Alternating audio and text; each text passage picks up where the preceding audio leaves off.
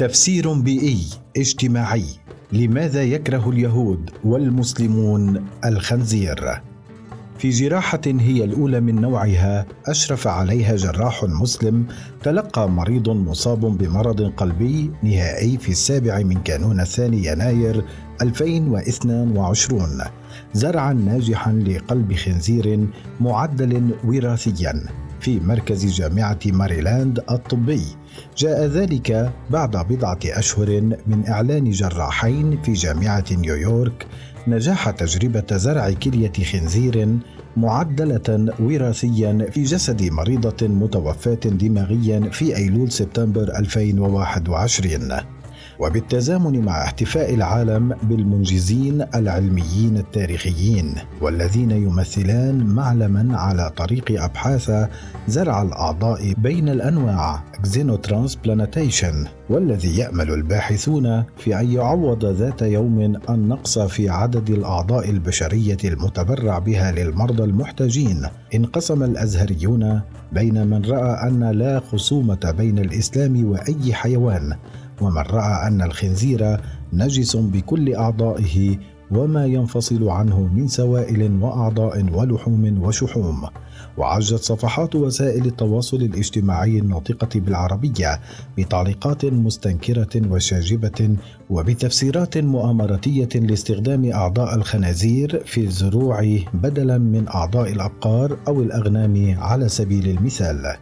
يمقت الملايين من اليهود ومئات الملايين من المسلمين الخنزير الذي يعده الكتاب المقدس والقرآن حيوانا نجسا يحرم أكل لحمه أو لمسه بحسب الكتاب المقدس على الرغم من حقيقة أنه يستطيع تحويل الحبوب والدرنيات إلى دهون عالية الدرجة وبروتين بكفاءات تفوق كفاءة أي حيوان آخر ما يقودنا إلى التساؤل لماذا يدين دينان جليلا القدر حيوانا مسالما؟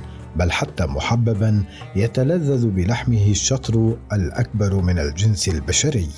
في كتابه The Riddles of Culture Cows Bigs Wars and Witches نقله أحمد ميم أحمد إلى العربية تحت عنوان مقدسات ومحرمات وحروب.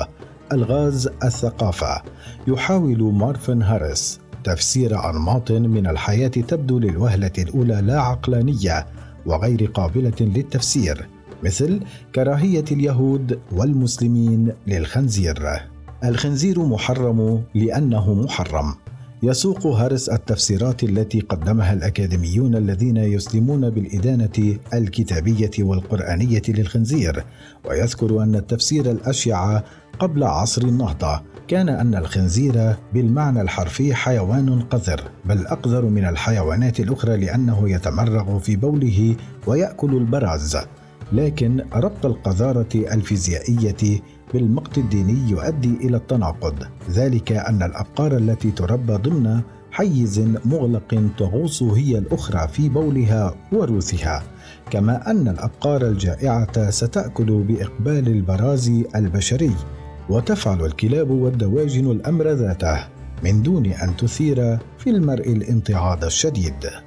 ويرى هاريس أننا ندين لموسى بن ميمون طبيب بلاط صلاح الدين في القرن الثاني عشر في القاهرة بالتفسير الواقعي الطبيعي للنبذ اليهودي والإسلامي للحم الخنزير إذ قال إن الرب قصد من وراء حظره نظاما صحيا شعبيا لأن للحم الخنزير أثرا ضارا وسيئا في الجسم.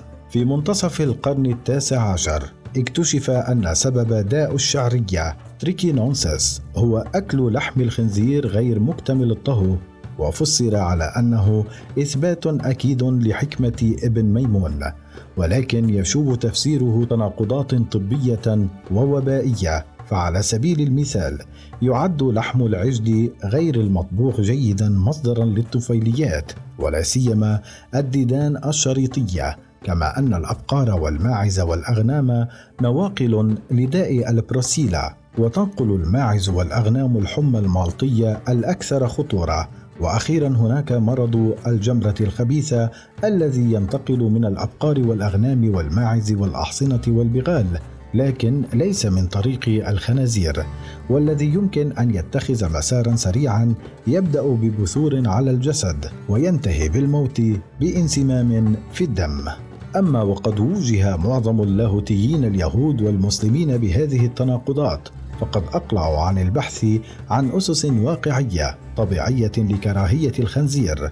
وثمة موقف باطني يتمثل في أنه ينصح بالانسجام مع التحريم الغذائي من دون معرفة ما إذا كان بالضبط في نية يهوه أو الله أن يقوله ومن دون محاولة اكتشاف ذلك. ولقد وصلت الأبحاث الأنثروبولوجية الحديثة إلى مأزق مشابه فعلى سبيل المثال أكد جيمس فريزر مؤلف كتاب الغصن الذهبي أن الخنازير كما سائر الحيوانات التي توصم بالقذارة كانت في الأصل مقدسة ويعود سبب عدم أكلها إلى أن الكثير منها كان في الأصل مقدسا وهذا ما لن يأخذ به المرء. من حيث أن الأغنام والماعز والأبقار عبدت قديما في الشرق الأوسط ومع ذلك أكلت لحومها الجماعات الأثنية والدينية في المنطقة كلها. اقترحت بحوث أخرى أن الخنازير جنبا إلى جنب مع سائر الحيوانات المحرمة في الكتاب المقدس والقرآن كانت فيما مضى رموزا توطميه بالنسبة إلى عشائر قبلية مختلفة ولكن لا تكون الطواطم عادة من الحيوانات ذات الأهمية كمورد للغذاء.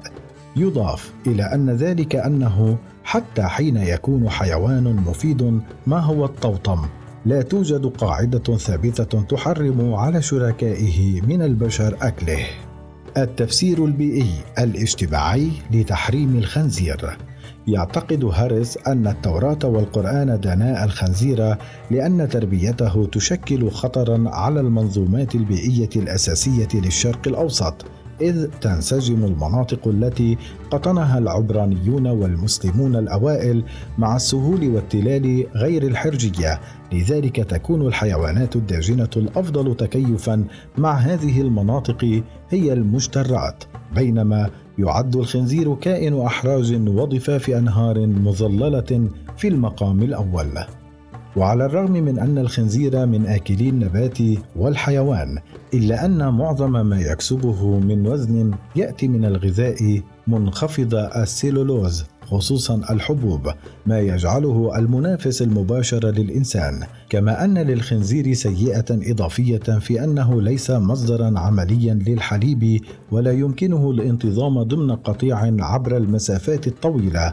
بذلك شكل الحظر الإلهي للخنزير استراتيجية بيئية سليمة في شروط ما قبل الصناعة. يعد أي حيوان يربى في المقام الأول من أجل لحمه ترفا وفي أوساط الجماعات البشرية الزراعية والرعوية القديمة في الشرق الأوسط كانت تقدر قيمة الحيوانات الأليفة بصفتها مصادر للحليب والأجبان والجلود والسماد والألياف والجر بغرض الحراثة ولقد قدمت الماعز والأغنام والأبقار قسما وافرا من هذه المواد مع إضافة غذائية من اللحوم خالية الدهون بين الفينة والأخرى.